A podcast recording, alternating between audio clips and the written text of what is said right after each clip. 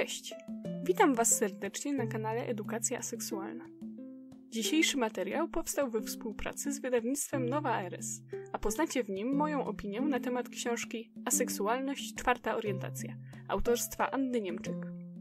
Koniecznie zostańcie do końca, ponieważ po recenzji opowiem Wam o konkursie, w którym do wygrania będzie jeden egzemplarz omawianej książki. Zapraszam.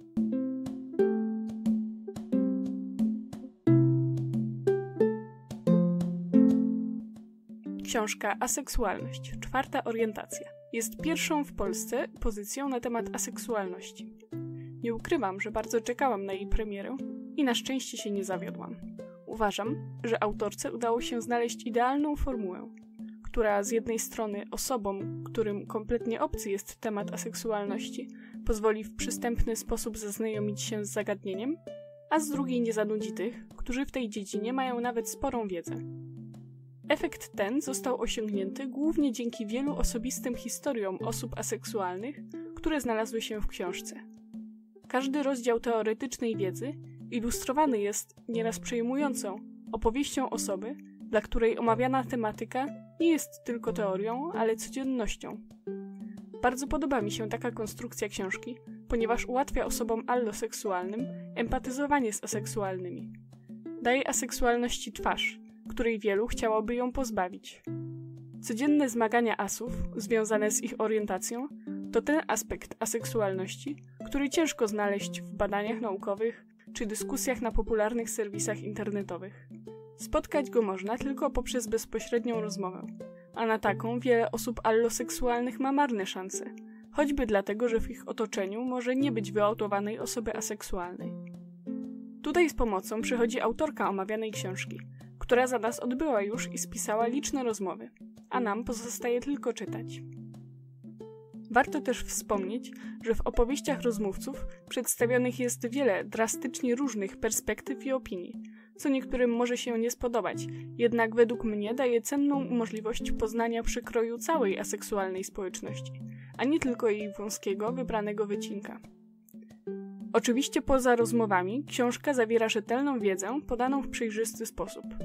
Napisana jest prostym językiem, który sprawia, że czyta się ją niesamowicie łatwo. Chociaż sama nie jest pozycją stricte naukową, a popularno-naukową, to cała jej treść teoretyczna oparta jest na badaniach i pracach naukowych.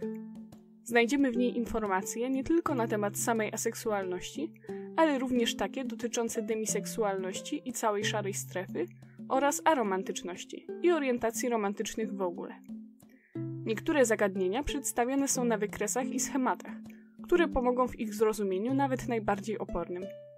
Natomiast ci, którzy chcieliby się dowiedzieć czegoś na temat obecnej pozycji aseksualności w świecie naukowym, również znajdą coś dla siebie, ponieważ tej właśnie tematyce został poświęcony jeden z rozdziałów. Oczywiście, jeśli komuś po lekturze nadal będzie mało wiedzy stricte naukowej, to śmiało może sięgnąć po anglojęzyczne książki, artykuły i wyniki badań, których omawiana książka przytacza wiele. Końcówka książki poświęcona jest wypowiedziom ekspertów z różnych dziedzin: psychologa, aktywistów LGBTQ, oraz katolickiego księdza. To właśnie ta część była dla mnie największą niewiadomą i chyba przez to też wydała mi się najciekawsza. Myślę, że czeka Was tutaj kilka zaskoczeń, nawet jeśli na temat aseksualności wiecie dużo. Tak przynajmniej było w moim przypadku. Na koniec chciałabym jeszcze podzielić się opinią na temat formy fizycznej książki. Ma ona niewielki format, więc zabierzecie ją ze sobą wszędzie. Układ tekstu jest przejrzysty.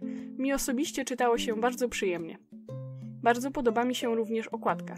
Słyszałam już parę głosów mówiących, że trochę szkoda, że nie została tutaj wykorzystana kolorystyka związana z aseksualnością. Moje pierwsze wrażenie było podobne, jednak po namyśle doszłam do wniosku, że użycie tęczowej kolorystyki niesie ze sobą dwa pozytywne efekty. Po pierwsze, sprawia, że książka przyciąga uwagę. Kolorystyka aseksualna, pomimo niewątpliwych walorów estetycznych, nie jest rozpoznawalna dla przeciętnego odbiorcy. Natomiast tęcza niesie ze sobą jasny i wyraźny przekaz. Po drugie, użycie takiej kolorystyki wpisuje i niejako utwierdza aseksualność w ramach ruchu LGBTQ. Większość osób zaznajomionych z tematem uważa przynależność aseksualności do ruchu za sprawę bezdyskusyjną, jednak znajdą się i tacy, którzy będą ją kwestionować. Użycie tęczy na okładce daje jasno do zrozumienia, że aseksualni, jeśli tylko chcą, są ważną częścią społeczności LGBTQ.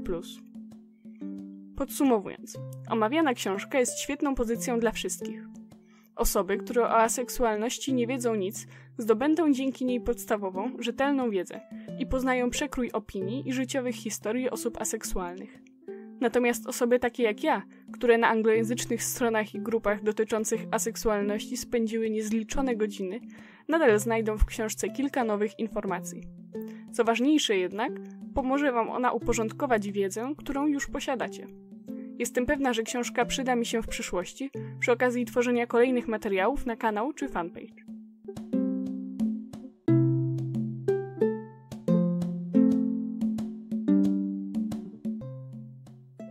Tak jak powiedziałam na początku, do oddania mam jeden egzemplarz książki Aseksualność czwarta orientacja. Aby go wygrać, napiszcie w komentarzu, kto jest waszym idolem reprezentującym aseksualną społeczność. Oczywiście proszę Was również o uzasadnienie Waszego wyboru. Może to być celebryta, ktoś, kogo znacie osobiście, albo nawet fikcyjna postać. Wygra autor odpowiedzi, która najbardziej mnie urzeknie. Konkurs trwa do końca marca, a wyniki zostaną ogłoszone na facebookowym fanpage'u Edukacja Aseksualna. W opisie link do regulaminu konkursu. Bardzo proszę o zapoznanie się z nim przed napisaniem komentarza. Jak zawsze, zapraszam Was na grupę Aseksualni Polska na Facebooku oraz na nowo utworzony Discordowy serwer o tej samej nazwie. Wszystkie linki znajdziecie w opisie. Na Facebooku możecie polubić również fanpage Stowarzyszenia Asfer. Pamiętajcie też, żeby subskrybować kanał oraz polubić i udostępnić ten materiał. Dziękuję Wam za uwagę. Do usłyszenia!